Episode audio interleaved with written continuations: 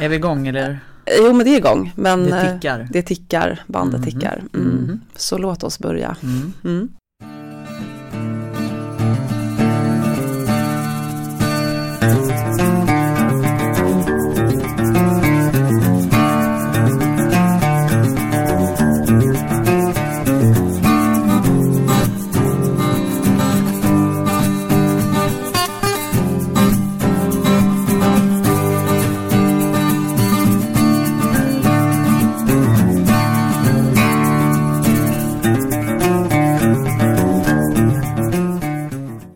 Då säger vi hej och välkomna till det femtonde avsnittet av podden som heter Präster med gäster med mig Anna-Fia Trollbäck Och mig, Rebecka Tudor. och vi är präster i Tyresö församling. I Präster med gäster så bjuder vi in en gäst men den gästen är sällan här fysiskt utan det är någon eller något som vi är nyfikna på och intresserade av. Och, Och som vi sätter oss i förbindelse med.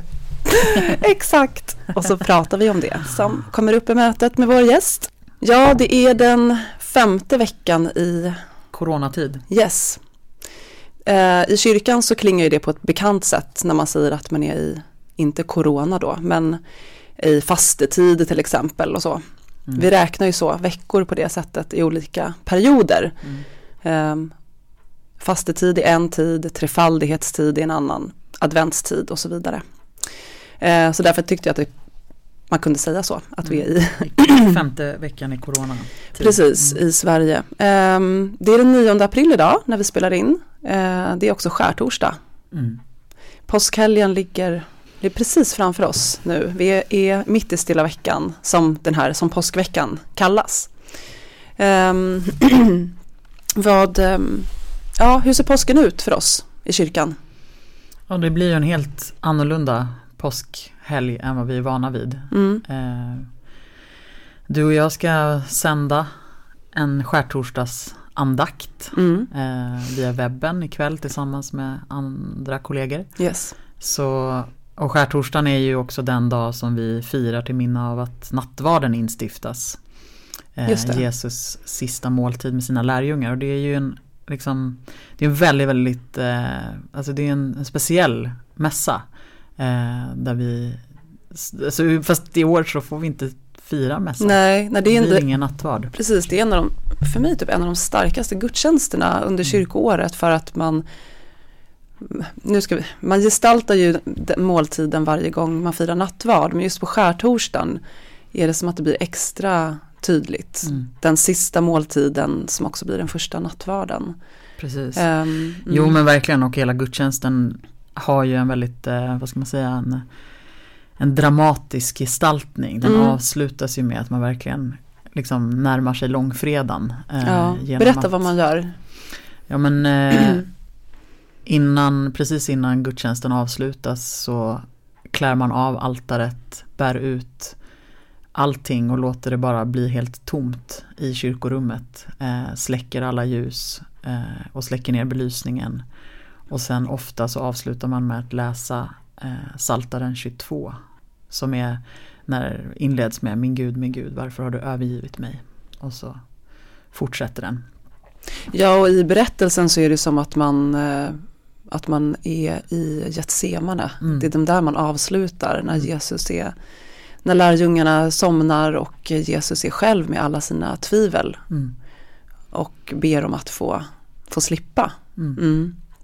Alltså det är verkligen att befinna sig i Ja men tillsammans med Jesus i den där orostiden Mm. och tvivel och ångest. Och på det sättet så känns det ju som ganska skönt att fira skärtorsdag Ja, just nu i dessa tider. Eh, verkligen. det känns ju som att man verkligen kan leva sig in i berättelsen på ett annat sätt tycker Ja. jag. Ja, jag hade gudstjänsten i söndags eh, som vi också webbsände eh, när det var palmsöndag. Och då läser man ju samma text som man också läser på första advent. När Jesus tågar in i Jerusalem eh, och rider på en åsna. Och det var jätte... det var märkligt att förhålla sig till den texten nu.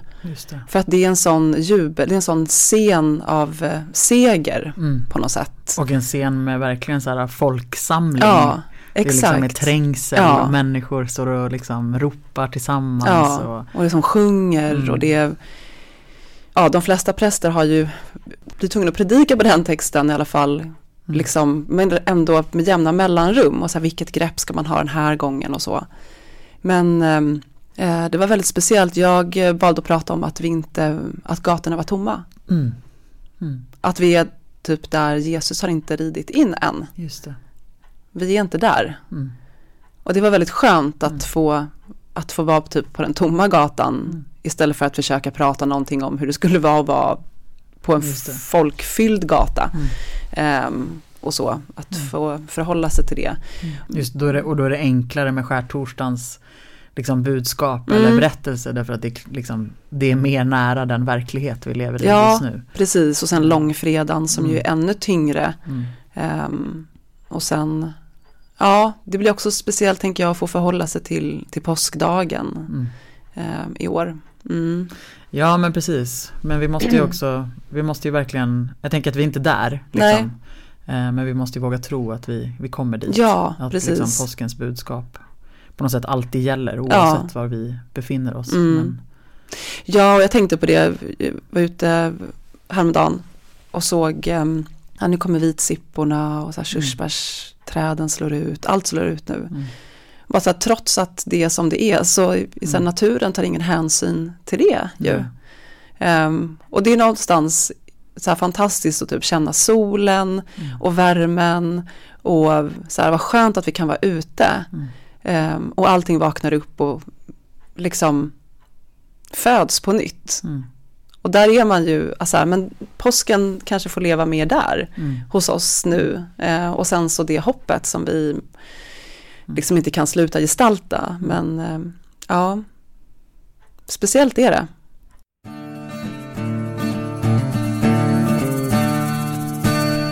Take it. Ja. Eh, jag fick en idé om det är så här att man som lyssnare har jag vet inte, så tankar och funderingar eller frågor. Alltså framförallt kanske nu tänker jag i Mm. den tiden vi befinner oss i eh, med i coronakrisen och så. Och om det är någonting som man undrar över eller skulle vilja att vi pratade om. Man kanske till och med har förslag på en gäst.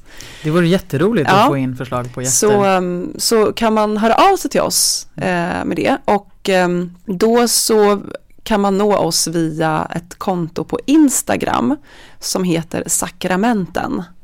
Och via det där kan man, så kan man skicka ett meddelande till oss. Ja det vore jätteroligt. Mm. Så Sakramenten på Instagram, eh, hör av er. Eh, men vi närmar oss vår gäst. Eh, vi pratade om det förra veckan. Vi, han lämnade plats åt apokalypsen. Så snällt. Eh, men det här är faktiskt också vår första manliga gäst för den som har varit uppmärksam. Mm. Mm. Eh, jag tänker så att han har väntat ett tag. på att få komma hit. Men eh, så vi bjuder in nu i alla fall.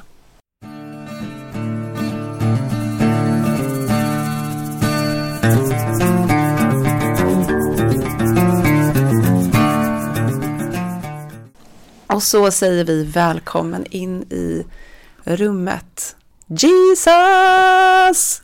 Superstar. na, na, na, na, na, na, na. Eh, vad passar bättre, vem passar bättre att bjuda in innan påsk än Jesus? Mm. Nej men det känns som en given gäst Ja. eh, och det känns lite spännande att vi ska eh, sätta oss i förbindelse med Jesus Ja. och att vi ska ja, men få närma oss eftersom det också känns som att det finns ju väldigt mycket man skulle kunna välja att prata om. Oj, oj, oj. Mm. Ja, vi får se vad det blir. Ja. Mm. Men först då ska jag göra som alltid en liten presentation. Eh, och eh, när det gäller Jesus så kan man ju ha olika perspektiv, olika infallsvinklar. Men jag tänkte att jag ska börja med i alla fall och nämna lite om den historiska Jesus. Eh, för det vet vi i alla fall att, den, att personen Jesus har funnits. Jo, det man vet bland annat är att Jesus föddes, att han samlade stora skaror av följare under sin livstid eh, och att han sen dömdes, korsfästes och dog. när man söker efter den historiska Jesus så letar man ju efter historiska källor.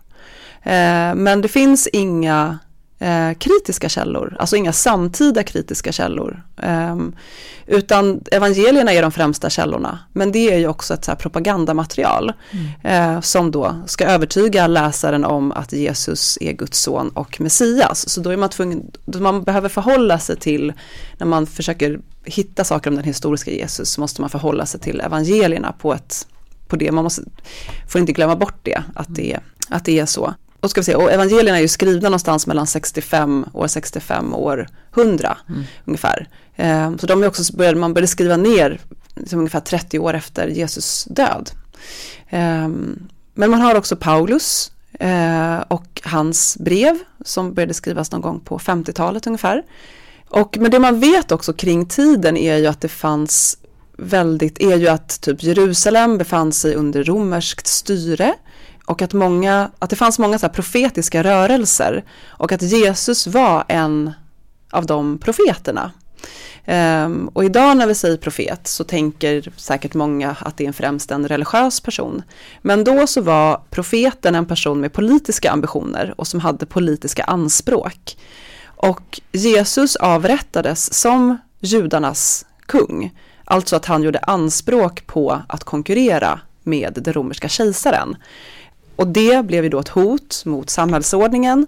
Um, och det är liksom en nyckel till att förstå också vem han var. Att han var en som utmanade maktordningen. Och så att förmodligen den här scenen i templet, efter att Jesus har ridit in, så går han ju till templet och så, um, um, ja men det kan man kalla för när han rensar månglarna ur templet, mm. uh, så hände ju det förmodligen Mm. För att han väckte liksom uppmärksamhet um, och fick liksom romarnas blick på sig också. Mm. Men, och, och, förmodligen också att Jesus inte tillhörde ett bildat skick utan att uh, hans framtoning måste ha varit revolutionär och samhällsomstörtande. Och om han hade fortsatt så hade det kunnat leda till en katastrof därför att det var ett sånt instabilt läge i uh, Jerusalem. Och um, förutom evangelierna då så finns det bara en annan historisk källa från det första århundradet som bekräftar att Jesus har funnits som historisk person. Och det är ju den judiska historieskrivaren Josefus. Um, och han nämner kort att Jesus hade följare och slutade på ett kors. Men även Josefus är också en omstridd källa som man också tror har blivit bearbetad med tiden. Mm. Och förmodligen så ville inte Jesus grunda en ny religion utan en revolution i det samhälle som han levde i men att han då misslyckades med att förändra världen i sin samtid. Och att, för att målet inte var att sluta på korset. Utan att han snarare förberedde folket på det annalkande, det annalkande gudsriket. Då en paradisisk tillvaro där han och hans lärjungar skulle ha upphöjda ledarroller. Och att det skulle ske väldigt snart. Men att han skulle dö, det var nog inte med i beräkningen eller en del av planen. Um, och det kan man till exempel se att evangelierna brottas med då. Till exempel Jesus dödsögonblick. De fyra evangelierna beskriver det på fyra olika sätt. Mm. Och med varje, eftersom att det är tid mellan de, att de olika evangelierna skrivits så kan man också nästan se en, det är väldigt intressant, mm. man, kan man kan läsa just de sista styckena och se att de är väldigt olika och hanterar Jesus olika. Men att de som sedan fortsatte då att tro att Jesus var Messias, då så menar man ur ett historiskt perspektiv att då började man se på det som att det ingick i Guds plan då. Ehm, och att det måste ha funnits en anledning till att han korsfästes. Ehm, och att då Jesus blir Guds son, Guds speciella verktyg. Men en annan intressant sak är ju att vi ser det som något, alltså det är helt unikt, men vid den tiden i den romerska mytbildningen så var det inte heller något ovanligt mm. att vara gudomlig och att vara gudomlig på olika plan. Alltså olika, ja men liksom man kunde vara lite olika gudomlig och ha olika kopplingar till det gudomliga i liksom hela den romerska och hellenistiska världen. Vilket är intressant. Det var lite av den historiska Jesus. Mm. Mm.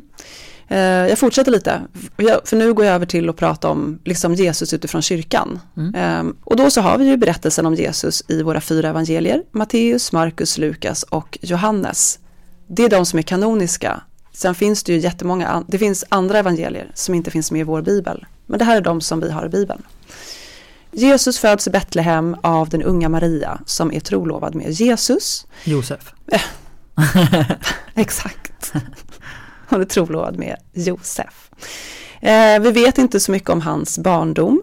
Men eh, att han, det, det vi sen vet är att han döps som vuxen av Johannes döparen och att han då förstår eh, sin uppgift och blir medveten om den som Guds son. Eh, sen samlar Jesus lärjungar omkring sig. Eh, vi har tolv som nämns vid namn, men vi vet också att det fanns andra, både kvinnor och män, runt om honom och som följde honom. Och det som sker då är att när Jesus träffar människor så skapas vändpunkter i andra människors liv. De som då är mindre värda ger han tillit och värde tillbaka. De som levde med skuld och skam ser han på med förlåtelse och kärlek så att de kan resa sig igen. Han vände människors perspektiv så att de kunde se livet på nytt och vände på de givna maktordningarna. Till exempel att han säger att det minsta barnet är den som är störst i Guds rike. Sen då ska Jesus fira påsk i Jerusalem men då blir han förrådd av lärjungen Judas och utlämnad till de romerska myndigheterna. Han fängslas dödas genom, och dödas genom att hängas på korset, ett avrättningsredskap. Och det är det som vi minns på långfredagen. Och sen på den tredje dagen efter att han dött så uppstod han från de döda och det är det som vi firar på påskdagen. Och sen så visar han sig också för lärjungarna efter att han har uppstått. Mm. Och sen på det, när vi firar Kristi himmelfärdsdagen så firar vi att Jesus tas, då har han liksom vandrat runt på jorden i, sin, i sitt uppståndna jag. Eh, men då så tas han upp från jorden då mm. till himlen för att vara hos Gud läm och lämnar sin ande på jorden som är då den verkande kraften.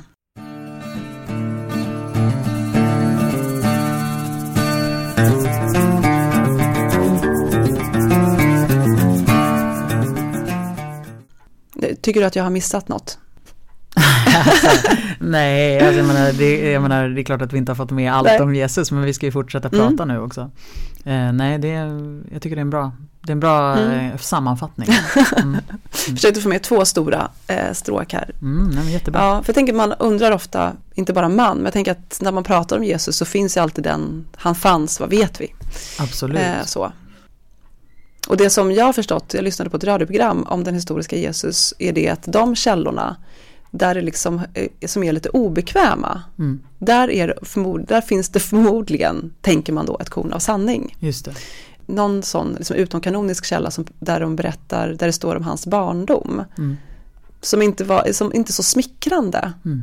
Då tänker man, har jag förstått det som, som historiker kanske, att här kanske det finns något liksom, eh, som faktiskt kan berätta någonting om, om hur det var. Just det. Ja. Är det viktigt för dig att eh, alltså vad ska man säga, sanningshalten i liksom vem Jesus var. Är det viktigt för dig i relation till typ berättelserna i evangelierna? Om det faktiskt har hänt eller inte? Jag vet inte, både och. Mm. Det är alltid så sammanblandat. Mm. Och så brukar jag alltid tänka så här, men, ja, men en av de sakerna som, och det är en av de sakerna som är verkligen är så viktiga för mig med Jesus, det är den här revolutionära sidan, att han var, att det var liksom det som var hans drivkraft. Mm. Och att det är det som man någonstans kan också veta historiskt mm. om honom. Mm. Det tycker jag är väldigt spännande. Mm. Också när man tänker på att eh, efter att Jesus dog och den här liksom lilla Jesusrörelsen lever vidare i hemlighet och den var förföljdes eh, under liksom flera hundra år mm. och människor avrättades så blir det till slut statsreligion av kristendomen. Mm. Och det är ju jätteintressant eftersom att han då var en uppviglare. Mm. Och, då, och det har liksom, storkyrkan har ju varit tvungen att hantera det. Mm. Alltså till exempel att inte lyfta fram de dragen. Mm. Eller lyfta fram dem på ett särskilt sätt som ändå, liksom ingår i, som ändå kan ingå i en stor statsapparat. Mm. Och liksom den stora maktens um, Ja men att bli en del av den stora makten mm. eftersom att Jesus inte alls var det. Nej men precis, då, man kan ju föreställa sig att om den historiska Jesus skulle liksom komma tillbaka mm. och se vad som har hänt mm. så kanske liksom kan man föreställa sig att han skulle eh, göra liksom revolution även mot Ja, liksom den kyrka som idag existerar. ja. Inte allt som finns i kyrkan, inte allting som händer, men liksom som ett ja men ibland så tänker jag att det är liksom den blicken vi behöver på oss själva. Mm. Alltså som jobbar i kyrkan. mm, Alltså vad, hur hade liksom, inte bara så här, what would Jesus do? Eh, Men, men, men liksom, hur skulle han tittat på det här? mm, Skulle han rensa ut, liksom, mm. vilka är månglarna idag? Mm. Liksom? Men du då? Är, är det viktigt hur, liksom för dig, det här med det verkliga, eller det sanna, det som har hänt, det historiska, historiskt riktiga då? Och, och det som står, Alltså, inte nödvändigtvis. nej? För att jag tycker att eh, alltså berättelserna får ju en sanning i Mm. våra liv. Mm, Och att ordet på något sätt blir, alltså nej det blir mycket mera liksom vad som, vad gör berättelserna med, eh, med mig mm, och oss. Eh, och inte så nödvändigtvis viktigt om huruvida det verkligen var så det hände. Eh, nej, jag tror inte det. Alltså det är som att, san, vad är sanning liksom? mm, Ehm, Men däremot att, att, det finns, att, det, att det finns också eh, perspektivet om den historiska Jesus. mm, Och då är jag på samma linje som dig. ja, Ehm, Det känns viktigt. mm, Men jag brottas ganska mycket med, liksom, med Bibeln och bibelberättelser och hur man, eh, ja men just hur, hur, hur ska jag förhålla mig? Ehm, och när man förbereder predikningar och hur, eh, liksom, får jag tolka det här mm. på det här sättet liksom? Eller, eller är jag liksom en heretiker eller kättare som, som misstolkar liksom? Mm. Eller skulle Jesus tyckt att det var bra Ja, då utifrån ja, den liksom ehm, ja men precis profetiska. utifrån då det, ja Mm. precis och utifrån det historiska då, Mm. för då blir, ja, då blir ju det väsentligt. ja. Att liksom återgå till det snarare. Men det är det som är intressant tänker jag med kristendomen för att den har sanningsanspråken. Mm. Den gör sanningsanspråk på ett sätt som eh, alltså som jag, som jag liksom inte ser att andra religiösa traditioner gör på samma sätt. Mm. Och det ställer, alltså det, ibland så ställer det till det. Mm. Eh, För att till exempel för mig, jag håller med om alla de här, eh, alla de här fantastiska berättelserna om miraklerna i Bibeln. Eh, liksom hände de, hände de inte? Mm. Man vet ju att Jesus var en exorcist Mm. och det var inte heller någonting ovanligt. Nej. Det fanns exorcister liksom lite här och var som drev ut andar liksom. Mm. Och så kan man titta på de här olika berättelserna och ibland så kan man säga, jaha men det var en, en person som, ibland står det beskrivet vad personen lider av för någonting Mm. och som då människorna då uppfattade som att man var besatt av demoner. Mm. Så här, jaha men det kanske egentligen var typ ett epilepsianfall eller så här. Mm. Det kanske går att hitta, alltså det finns naturliga förklaringar på många, på mycket av det. Men alla de här fantastiska berättelserna, eh, för mig ingår ju de liksom i en så här religiös, liksom andlig sfär. Mm. Bredvid andra religiösa traditioner som har sina berättelser. Eh, bara det att där kanske guden är blå. Mm. Men vår, för oss är Gud människa. Mm. Eh, och blir, då undrar jag, ibland kan jag undra så här, blir sanningsanspråken viktigare då? Mm. än när guden är blå. Eller har ett elefanthuvud för den delen. Mm. Åh gud, det här låter, blir, jag vet inte om jag får fatta i vad jag vill säga men för mig är inte det ett problem. Det ena utesluter inte det andra. Mm. Utan vi liksom, allting är inte historiskt sant.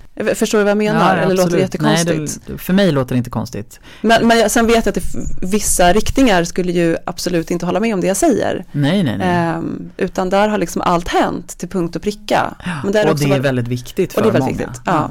Men, men också att, att våga leva bara med det. Mm. Men, och da, men det älskar jag. Att Mm. förhålla, att liksom få vara omgiven av alla de här berättelserna. Mm. Och se, precis som du säger, hur de liksom blir viktiga och blir sanna i våra liv. Mm. Ja, för att, ja men precis, för att för mig blir det, det blir det enda viktiga. Alltså vad gör, vad gör det med oss Mm. här idag? Hur skulle det kunna vara viktigt på ett annat sätt? Ja. Jag har svårt att, ja, jag har svårt att liksom förhålla mig på Mm. något annat sätt. Och det är väl de här liksom ex, exklusivitetsanspråken. Mm. De brukar man prata om att kristendomen är exklusiv. Alltså helt annorlunda från allt annat. Mm. Det gillar inte jag. Mm. Jag blir helt, jag är helt trygg med så här, vi är en religiös tradition bland andra Mm. och vi har likheter med alla och för mig är det liksom det gör mig liksom, det, då blir det bara starkare för mig. Mm. Än att vi skulle vara liksom en, ja men det, är det blir nästan som att vi skulle vara typ en exklusiv grupp som är helt speciella. Det är som att vara så här västerlänning. Mm. Så att man är en västerländsk liksom vit man. Jag är jättespeciell. Mm. Allting jag gör är jättespeciellt. Det finns ingenting som är likt mig. Jag är helt unik. Mm. Finns ingenting som är helt unikt. Mm. Och det är för mig en trygghet. Ehm, ja, det kanske var en banal eh, jämförelse men ja. Nej, men jag, nej, men jag håller med om det. Mm. Alltså, det är ju verkligen uppenbart att, att vi, vi kristna förhåller oss väldigt olika Mm. till den här frågan och jag tänker att vi det säkert är många som tycker att det är väldigt provocerande att du och jag som präster pratar på det här sättet. Mm. Och andra kanske tycker att det är väldigt befriande Mm. att två präster Ja. kan göra det. Mm. Och så får det vara. Ja. Ehm, jag tänker också att man liksom, ja men både du och jag har, liksom, kan känna oss trygga med, med att det bär. Ja men som sagt att det faktiskt också kan vara befriande. ja. Men det är ibland som man ju kastar sig ut. Inte, inte så sällan. mm, Så kan jag känna så i alla fall. Då när man har skrivit predikningar. Då bara, det, okej, antingen så bär det eller så brister det. mm, Och så bär det. mm, Och då liksom, för det är någonstans där som man liksom landar hela tiden. Mm. Och det är ju häftigt Mm. liksom.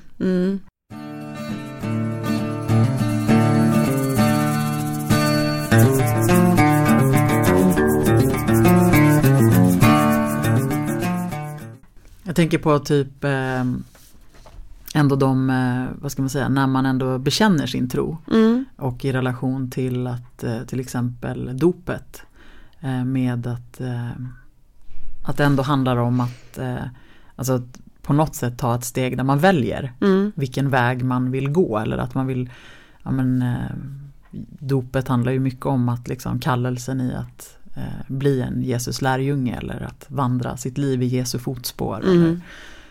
och jag vet inte exakt vad jag, vad jag vill komma med det men att jag tänker att det också ehm, Ja, vad tänkte du nu? Nej men jag, jag bara funderar på just den här bekännelseaspekten. Alltså att jag kan vilja, jag menar att det är inte konstigt att hitta sin väg. Men det betyder inte att det inte finns andra vägar som man kan gå. Nej. Eh, men att det också är fint att få berätta om sin väg. Mm. Eh, om, och få berätta om Jesus och få berätta Ja. om alla berättelser. Och att det, att det också är det som är, det är roligt med konfirmander när man får möjlighet att, alltså när man känner just att man, man, man kan eh, hela den här stora berättelsen kan man lyckas formulera på ett sätt så att det kan beröra ditt eget hjärta liksom. Så Mm. att det händer någonting med dig. Mm. Ehm, ja, det, kanske- det blev lite rörigt eh, i mina tankar nu. Det är som att jag önskar att jag kom någonstans Ja. så att jag hade ställt, jag kunde ställa en fråga eller någonting till dig. Men, ehm, nej, men jag säger tack för mig då. Ja, det var, det var eh, eh, en fundering utan där, Ja. conclusion, konklusion. Mm. Ja, men det var nog det här med vägar bland många vägar kanske. Ja, Ehm, men det tar inte ifrån det tar inte ifrån det sanna med att, att Jesus lever liksom. nej, Ja. nej, nej, men precis, det ena utesluter inte det andra. Liksom. Nej och att vad tråkigt det vore om, om liksom, jag, är så, jag är så ointresserad av det som ska formuleras svartvitt. Ja. Alltså så oerhört ointressant tycker jag. Det blir så fattigt. Ja, och då är det som att det att leva i att, alltså att inte veta, att, så här, att Mm. jag, jag känner mig liksom hellre trygg med att jag inte vet. Mm.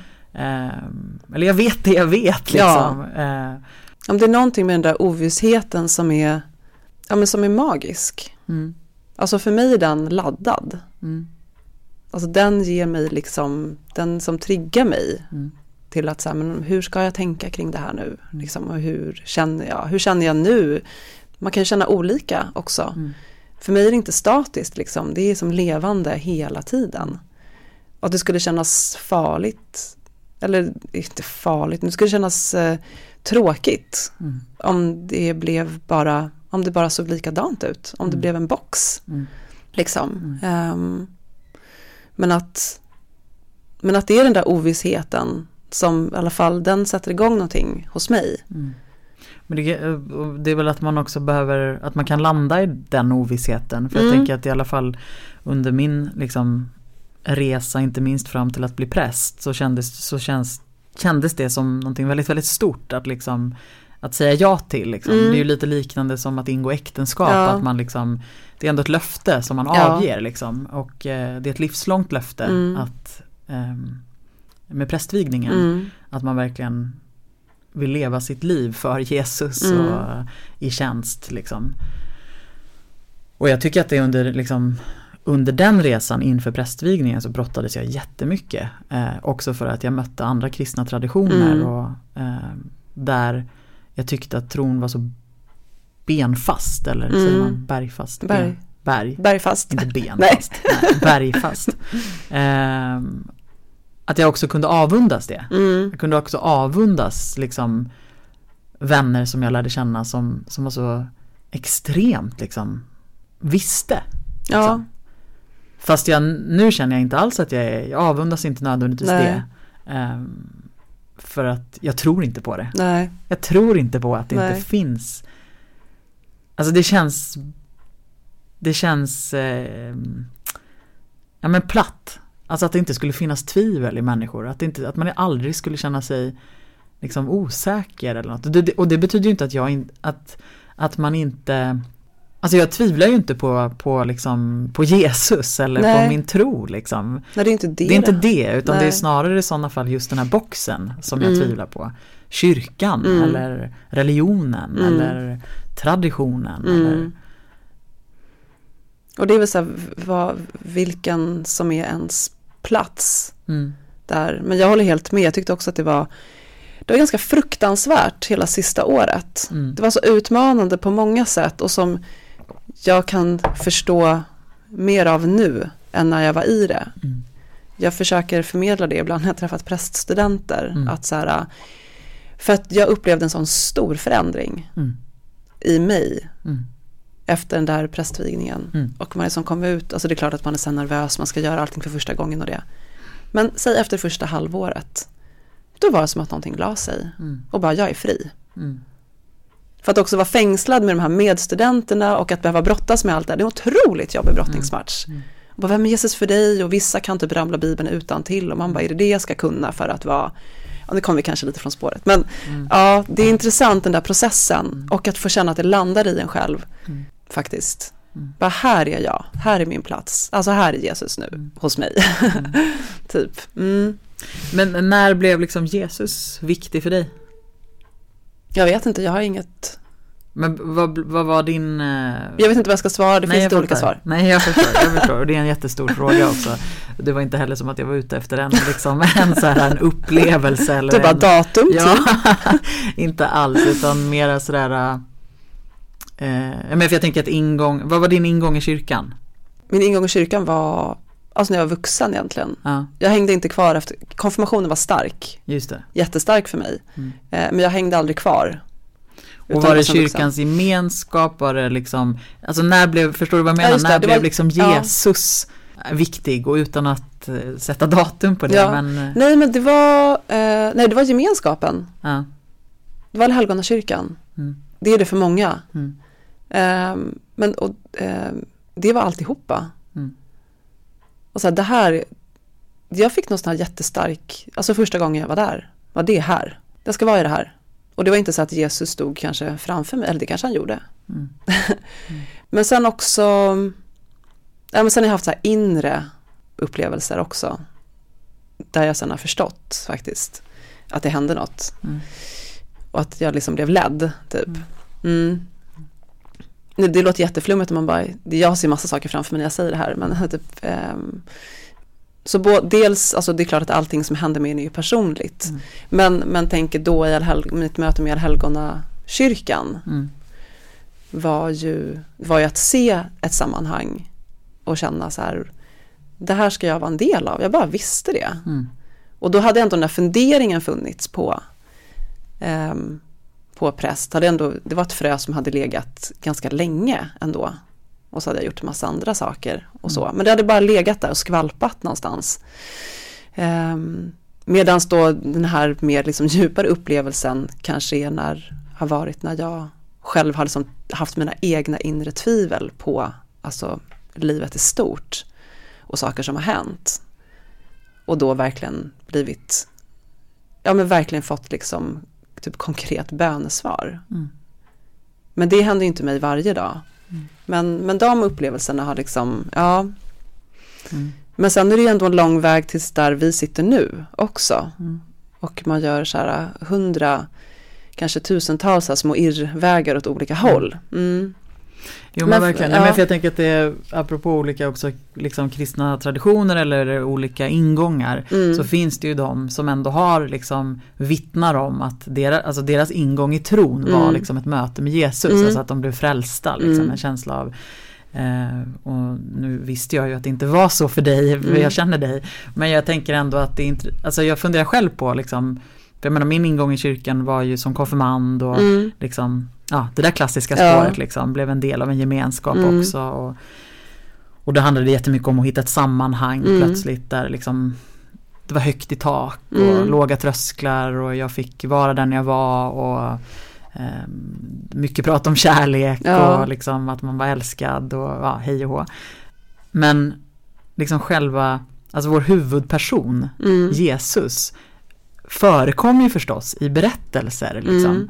Mm. Eh, men jag måste nog ändå säga att det tog ett tag innan jag började liksom själv överhuvudtaget närma mig liksom en tanke på att jag tror på Jesus. Mm.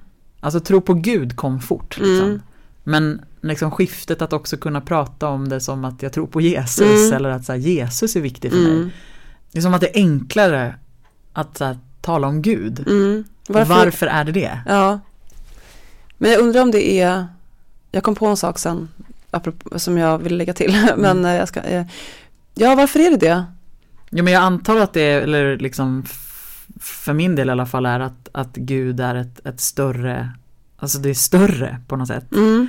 Eh, och samtidigt så, ja vi känner till treenigheten, Ja. det, det är samma. Mm. Men det är ändå som att, när, att om man ska liksom, Jesus blir ju väldigt mycket, ja, det blir ju på ett sätt ganska mycket den historiska Jesus Mm. och men även berättelserna kring honom men att det är en Ja men det kanske har med det där som du pratade om innan att Gud har blivit människa. Jag Mm. älskar ju den bilden. Jag Alltså det är ju min liksom Det är det bästa av allt Mm. tycker jag med kristendomen, eller liksom inkarnationen Mm. att liksom, och dessutom i ett litet barn. Mm. Ja, jag älskar, älskar Mm. den bilden.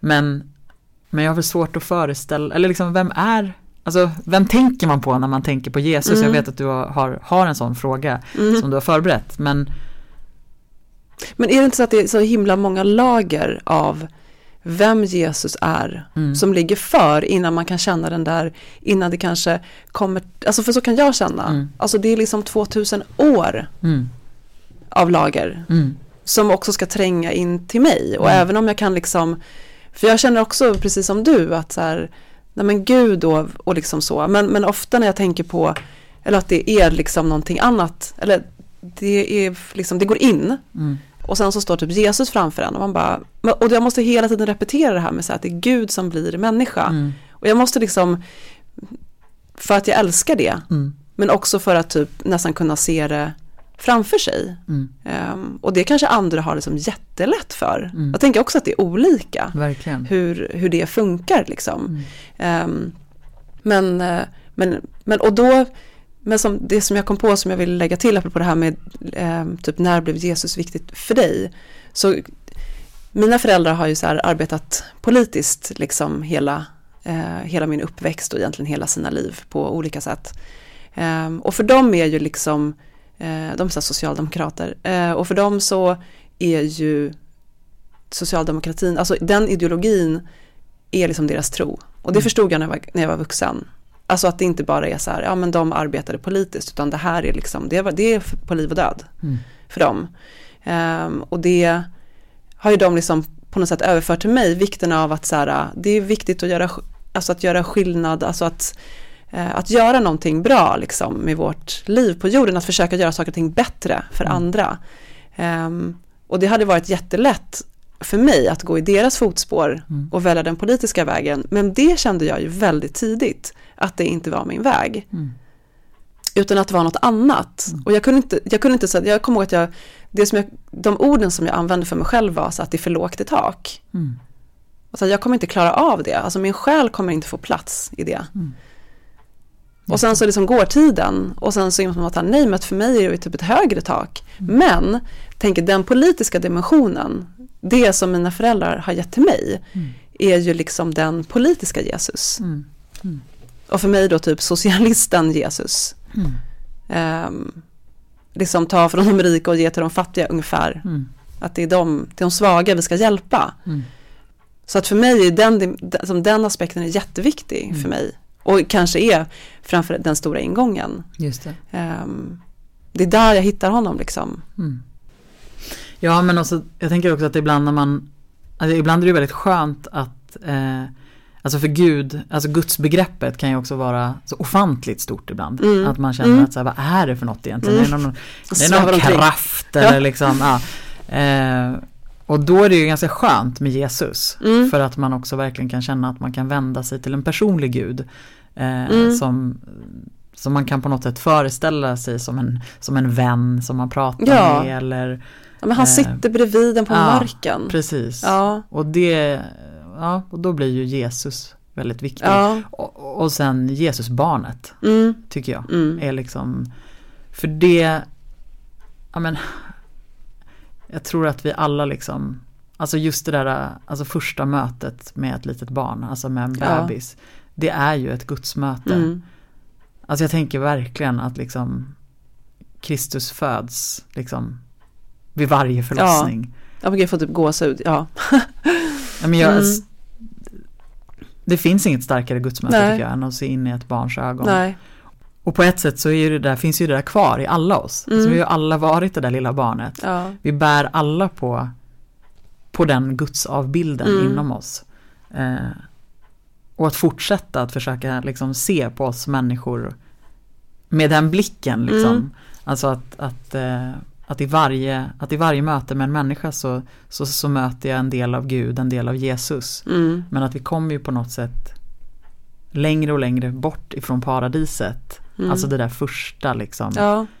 Jag tror att vi pratade om det när vi pratade om döden också. Alltså att Ja. det på något sätt händer något också sen när vi åldras Mm. och vi ligger på dödsbädden. Ja.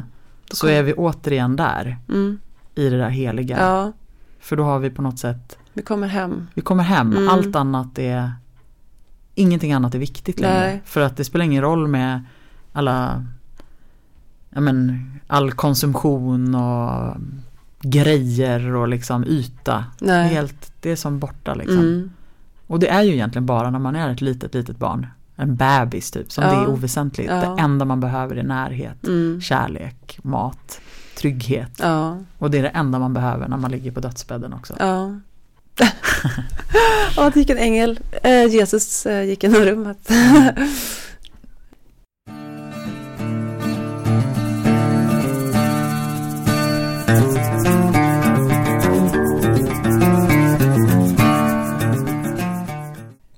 För mig är det också viktigt att tänka så här att Gud behövde bli människa. Alltså Gud blev liksom inte det för vår skull utan för sin skull. Mm. För att Gud liksom behöver förstå sin... Sin värld, Sin värld. sin skapelse. Ja. Mm. Ja just Och att det inte bara är ett, eh, ja men det är en fin bild, jag tror inte jag har tänkt på det. Jag har, inte, jag har nog inte formulerat det så för Nej, men att Gud också behöver veta vad det är liksom Mm. att gråta och att älska och att Mm. skratta och att dö. Mm. För mig kommer Gud också väldigt nära i det och då behövde Gud bli människa och liksom ingen upphöjd person Nej. utan verkligen som de flesta Mm. som hade det ganska svårt. Mm. Och att det var där han tog sig fram. Mm. Liksom. Ja visst, alltså bild, det hade varit en enorm skillnad om Gud hade blivit människa genom att födas som typ en kung i ett slott. Ja, Alltså det hade varit liksom, och jag tänker på så här, till exempel som Buddha mm, som ju gjorde det. mm, Men han lämnade också just det. Mm. för att liksom förstå livet. Och det, ja, så att, Ja visst Mm. och, och många av våra de, helgon mm, är ju också sådana som har liksom inlett sina liv i rikedom Mm. och, men sen har lämnat rikedomen för Ja. att leva i fattigdom Mm. och, eh, och först då händer det någonting Exakt. och det är först då som ja, det gör, gör skillnad liksom. mm. Men ehm, jag tycker det är intressant så här med att tänka hur, ehm, hur man ser Jesus framför sig. Mm. Alltså hur han ser ut. Mm. När du, jag säger Jesus, vad ser du då?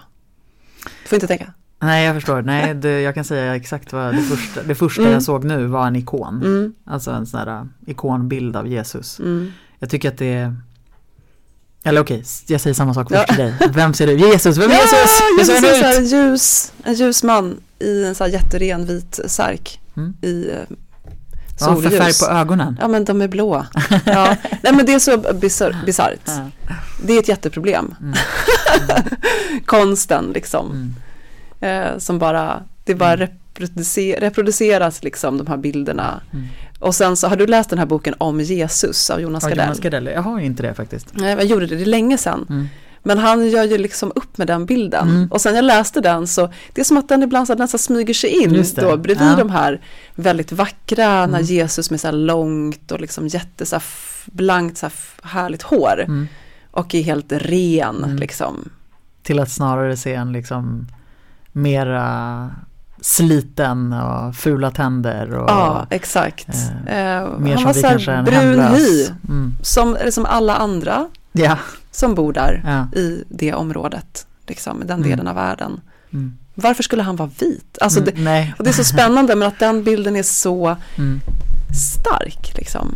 Den är etsad fast. Ja. För att det är de avbildningarna man har gjort och det är de förebilderna som liksom Europas konstnärer har Mm. haft.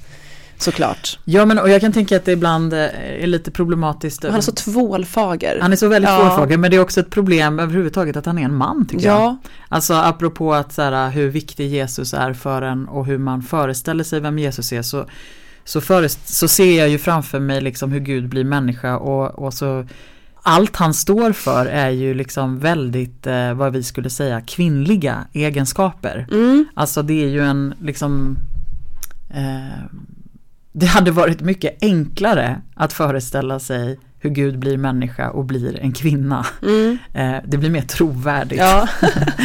Ehm, och ja, don't hate me out there. Men det, jag har lättare att relatera till Mm. liksom, ja, ja, och det finns ju inte så många bibliska figurer som är kvinnor. Nej. de finns ju, eh, men de är ju inte så många. Nej. Ehm, och bara det är ju ett problem. Mm. Eh, och så får man liksom hålla fast vid de här kvinnorna som finns. Mm. Men det blir, det blir, det blir inte trovärdigt. Nej. Nej. Ehm, jag menar förstås inte att det inte finns goda män. Som, men du, ja, förlåt mig, givetvis inte. Det är bara den här och, och det är ju inte De heller är bara så att- många. Nej men ja, precis, det är ju inte så att, att det heller nödvändigtvis är viktigt att föreställa sig Jesus som en man. Jag kanske kan föreställa mig Jesus som en kvinna. Mm. Men det är svårare för mig att liksom bortse från Ja. att Jesus var en man. Mm. Liksom. Ehm, och på ett sätt så är det förstås också fantastiskt att ha en, en, en, vad ska man säga, en positiv manlig förebild. Ja. Ehm, ja, precis. De är ju Förstås. faktiskt inte så jättemånga nej. överhuvudtaget. Um, ja, nej, men precis. Han har, det är ju omsorgsegenskaper, Mm. verkligen. Att liksom se till dem som, Och det är klart att det är ju Mm. det som är, jag menar det är ju inte kvinnliga och manliga egenskaper. Det är ju liksom, det är ju grunden mänskliga egenskaper. Mm. Det, är ju, det är ju vad som händer sen i liksom våra strukturer och hur Mm. vi lever våra liv. Så att på ett sätt så kan man ju verkligen skit i det liksom. Mm. Eh, det, han står för det som är mänskligt Mm. och gudomligt Mm. samtidigt. Men det är ändå intressant att det är de egenskaperna som ändå är hans främsta liksom. Det är inte Mm. som att han säger så här, let's go to war, typ. Nej. Här, typ nu ska vi göra svärd. Utan han är Nej. så här, nu sätter vi oss ner och typ delar bröd, Mm. liksom. Mm. Ja, så det är faktiskt himla intressant att det är så. Mm. Finns det någon, eh, liksom, någon bibelberättelse med Jesus som har liksom varit viktig för dig eller som Åh gud, jag blir alltså skitstressad av sådana frågor. Förlåt. Ja. Det bara, det var, Det var okej, fatta vad orättvist den här poddupplägget är. Du förbereder allting med alla frågor och sen så typ så här får jag frågor kastade på mig och, och känner mig alltid skitdum och bara ehm, jag ska försöka säga någonting om det. Ja, och nu bara ger jag igen. Jag får lite flow här Anna-Fia. Ja, Ja. shit, förlåt. Då säger man bara så här, oj, nej jag vet inte riktigt. Mm. Då, då Det kastar man tillbaka, då är man Ja. så här, speglar du mig? Det. Då säger du, vad tänkte du? För så gör ju jag ibland Ja, just det, precis. Ja, men det är väldigt smart, för då har jag ofta tänkt. Ehm, nej, jag har svårt att svara på rak arm. Mm. Men är det någon som du tänker på för dig? Men åh, vad, vad fint att jag fick tillbaka frågan. Eh, det var faktiskt ingen särskilt som jag tänkte på. Men, eh, men jo, eller jag har så här. Jag, apropå det här med att man brottas med Bibeln och eh, sitt sätt att läsa Bibeln och förhållningssätt och så. Mm. Då har ju jag eh, Jag kom på en förresten som jag ska säga sen. Ja. Men gud vad bra. eh, nej men jag tycker att eh, ett, ett sätt som jag har kommit att tycka väldigt mycket om eh, det är eh, att, att be med fantasin. Mm. Alltså att, och det här tycker verkligen inte alla om. Nej. Eh, det finns de som tycker att det här är ett jättekonstigt sätt att läsa Bibeln på. Mm. Men, men jag, för mig passar det liksom. Mm. Och det är ju att man kliver in i en bibelberättelse eh, och eh, föreställer sig att man är en del av, av den. Och eh, det kan liksom, man kan göra om det till nutid eller man får liksom själv Mm. välja scen och vilka är där, hur luktar det, hur, ja, hur är jag klädd, fryser jag, är jag varm? Ja men du fattar. Mm. Man liksom, och ofta kan det vara bra att ha någon annan som, som också guidar en sån liksom bibel Ja, eh. Eh, men det går förstås att göra själv också. Och då har jag ju verkligen, då finns det, alltså då, jag har verkligen varit med om att jag har haft, apropå den här upplevelsen av att man har varit med om någonting i sitt Mm. inre, som är så här 100% sant. Mm. Alltså jag har träffat Jesus och han eh, han har sagt följ mig liksom och eh, han har suttit vid min sida Mm. och det var inte att jag, nu berättade jag inte en särskild bibelberättelse så ställe men, eh, men jag har jag har liksom fått gå in i många av de där berättelserna och eh, upplevt att det händer någonting på Ja. riktigt, att det träffar hjärtat, Mm. det blir verkligt. Eh, och att så här, Gud har väl skapat min fantasi också. Ja. Alltså, Ja. Den är väl inte förintet. Nej liksom. men exakt och det är inte så att den inte är något. Nej. Den är liksom en port. Ja, Mm. verkligen. Men, men nu får Mm. du svara då. Ja, nej men för så är det ofta. Mm. Jag får så här frågor, blir superstressad och sen behöver jag typ slappna av lite. Mm. Så kommer jag oftast Det på var något. så enormt skönt att jag får utsätta dig lite. Ja, jo men det är det faktiskt. Jag ska verkligen tänka på det. Jag skickar aldrig några frågor i förväg. Jag bara tänker att du är en sån här människa som kan svara på tal. Typ. Eh, du är så smart. Eh, nej men eh, dopscenen faktiskt. Mm. är en sån här scen som jag eh, tycker är jättehäftig. Och som Mm. jag, eh, när Jesus döps då Mm. i Jordanfloden av Johannes döparen. Som ju är Jesus ehm, s- syssling blir det ju. De är sysslingar. Ja, För Maria och, ehm, Elisabeth är kusiner. exakt, Maria och Elisabeth är kusiner. Ja. Vad sa Eh, jag? Nej men du sa Elisabeth. Ja, nej, ja kör. det var jag som hörde det typ konstigt. Ja. Ehm, nej, jag vet, jag vet inte varför. Alltså den bara är det. Men, och det, det är det här med att Guds ande sänker sig över honom som en duva, står det. Mm. Alltså det är någonting med att jag liksom ser den där scenen framför Mm. mig så tydligt. Hmm. Och hur den där duvan är där. Hmm. Alltså att Gud sänker sig alltså, i formen av en duva. Jag vet inte, det är någonting som jag får typ gåshud. det är väldigt fint ja. och så tänker jag, jag tänker, jag, Och jag, att de är där och att så här, i vattnet och mm. Jesus och så säger Gud då, du är min älskade son, du är min utvalde. Mm. De orden är riktade till oss sen också. Mm. Jag lyfter alltid de orden i dop. Ja, jag gör också det. gudstjänsten. Det känns Mm. så klockrena på något Mm. sätt. Att liksom det är Guds tilltal till, Ja, till varje människa Mm. och i dopet så blir det synligt. Mm. Ehm, men jag tänker på duvan. Mm. eh, för jag gillar också den som Ja. en symbol för heligande Ja. och, och Gud. Ehm, och jag har och på senare tid eh, verkligen börjat tänka varenda gång jag ser en duva mm. att det är Gud. Som är nära, och då alla stadsduvor. Ja men det är något, för det Ja. blir något helt annat att så här, vara på Slussen i Mm. tunnelbanan och så plötsligt liksom flaxar de här liksom stadsduvorna omkring. Då är det inte den här liksom vackra vita duvan som liksom man släpper ut i någon, utan det är så här de här ganska fula liksom smutsiga duvorna som liksom går runt. Att tänka det, att det är Mm. helig ande som, Som går runt. som går runt. Och jag ska börja göra det. Gör det, för det händer någonting. Ja. Alltså, bara häromdagen så eh, var jag med min son och gungade i en park och så plötsligt så sa han, det är en fågel mamma. Ja, och så tittade jag dit och så var, var det en duva. Mm. Eh, och eh, ja, jag var li, liksom, jag hade det fint med min son men jag var lite ledsen i min själ. Mm. Och då var det verkligen som en så här superstarkt av att bara, Ja. ah, Gud är här liksom. Ja. Gud är med mig.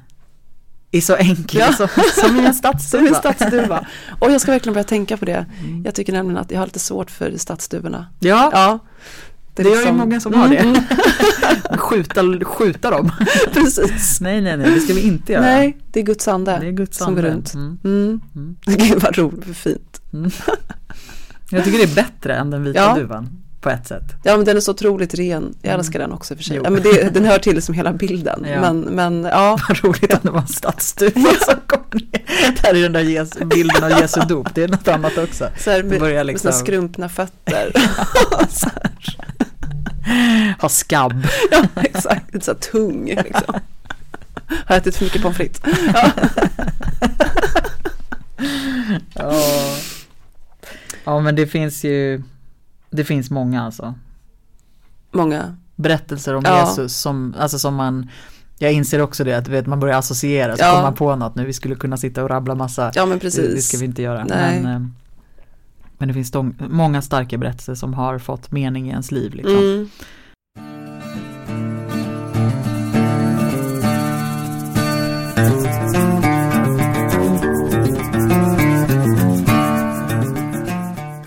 Men vi- nu måste jag bara säga Ja. en kort. Ja, men apropå, nej men för jag tycker att det finns också eh, just vikten av att, att Gud blir människa och att det mänskliga i Jesus. Mm. Eh, inte bara då när han utför under och sånt utan just de där scenerna som när han ska återuppväcka Lazarus Mm. som ju är hans, liksom en av hans nära vänner. Mm. Eh, det är visserligen en, en mirakelscen i Mm. slutändan. Men han, det är också beskrivs, det står att han, att han gråter Ja, för att han är så förtvivlad över Mm. att Lazarus har dött. Och det är jag menar, sen återuppväcker han Lazarus. Ja. Men det är inte, det är liksom, det är någonting i den där, det bara står en mening. mm. Jesus gråter. han gråter som skak. Ja. Ja, precis när, när, evan- för evangelierna i övrigt bjuder inte på så mycket känslor och så mycket beskrivningar. Nej, Så när det väl gör det, så blir det väldigt starkt. ja, Mm. Det blir jättestarkt. Det betyder att det var viktigt att få med det. Mm. Ja liksom. men precis. Mm. Ja. ja för så måste man nästan Mm. tänka att allt som står är på något sätt viktigt att det står där. Ja, jag håller med. Det där, det, för då får man plötsligt en känsla. Mm. För man har själv, man kan, man har själv gråtit så man skakar. Mm. Så man vet ju hur det är. Mm. Och det gjorde Jesus också. Mm. Mm. Och det gör då Gud. Precis. Mm. Det där, det är coolt att komma så nära. Mm. Vi kommer också nära Gud. Det är inte bara Gud som kommer nära oss. Liksom. Mm. Vi kanske närmar oss eh, slutet. Typ. Eller känner du? Nej, jag känner att eh, Alltså vi utlovade lite uppståndelse Ja, det gjorde eh, vi. i förra avsnittet. Ja.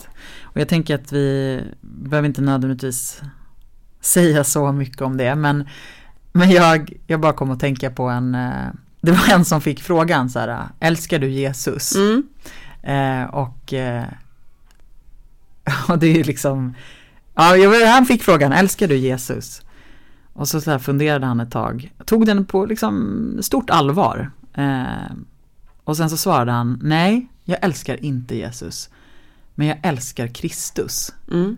Och jag tyckte att det var ett så spännande svar. Mm, det är det.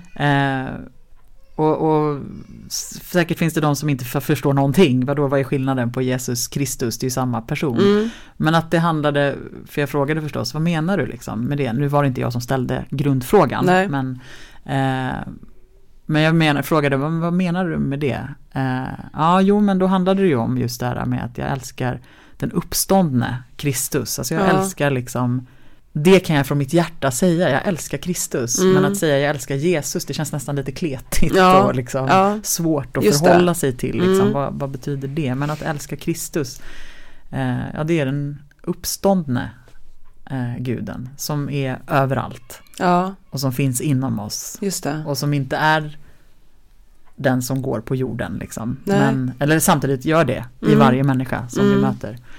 Men jag tänker att uppståndelsen ändå har en, är en viktig, såklart, jag menar det är ju det mest centrala budskapet i kristen tro, att liksom livet segrar. Ja, Eh, och det som vi inledde med och du pratade om, var finns uppståndelsen just nu? Ja men den finns ju i naturen. mm. Liksom. Trots allt så blommar ja. eh, liksom. Och barn fortsätter födas. Ja. Typ. Precis. Det, det, liksom, Mm. Trots den skittid vi lever i så, Mm. Så fortsätter livet. Ja, och jag eh, får en stark koppling till filmen Jurassic Park. Ja. Min eh, son håller på, eller han tittar på dem Ja. i perioder. Nu har han börjat titta på dem igen. Och i första filmen så är ju ett av liksom, ja men ett av liksom huvudtemana är ju så här att eh, life, det är nog så här life will always find a way. Alltså livet hittar alltid en väg framåt. Mm. Det spelar ingen roll hur mycket vi försöker kontrollera eller trixa med gener då Nej. utifrån den här filmen utan livet hittar en väg att föröka sig eller liksom att fortsätta. Mm. Mm. Så liksom livet hittar en väg Mm. liksom på nytt och på nytt och på nytt. Mm. Mm. Ja, det är väldigt Mm. häftigt och eh, fantastiskt liksom. Och jag tänker när Jesus, den uppståndne Jesus möter Maria Mm. eh, och Maria inte känner igen honom. Mm. Eh, och sen så nämner han henne vid namn Mm. och då så Ja. förstår hon vem det är. Mm. Och det tänker jag också är någonting i att vi, alltså Gud är här hela tiden Mm. liksom. Det heliga finns runt omkring oss, livet finns runt omkring oss, men ibland så förstår vi inte, vi Nej. ser inte. Eh, och jag tycker att just det är något så väldigt kraftfullt i att det är när han säger hennes namn. Alltså hon blir sedd som Ja. den hon är. Då ser hon honom Ja. och då förstår hon att så här, det är Gud Ja. som står framför mig. Så blir påmind om det och att det är det som händer. När vi blir, när vi blir sedda eller Precis. känner livets kraft Mm. återvända. Eller, ja. Ja, det är verkligen mäktigt. ja men det, det är uppståndelse för mig. Mm. Mm. Mm. Jag tänker inte försöka gå in och säga något annat. Nej. Men ska vi drista oss till att säga glad påsk? Vi, det får man inte göra egentligen. Nej, egentligen får man inte göra det. Men då får man säga det i förskott. Vi får säga det i förskott Ja. för vi kommer inte, det kommer inte komma ut något annat avsnitt före Nej, påsk. det kommer inte. Så glad påsk i förväg. Ja, och ehm, till alla som lyssnar hoppas att hälsan står er bi. Mm, Och verkligen. ehm, Var rädda om er mm. och varandra. Stay at home. stay at home. Vi ses efter uppståndelsen. Mm. Mm. Hej då. Hej då! Det var fint att prata om Jesus. Mm.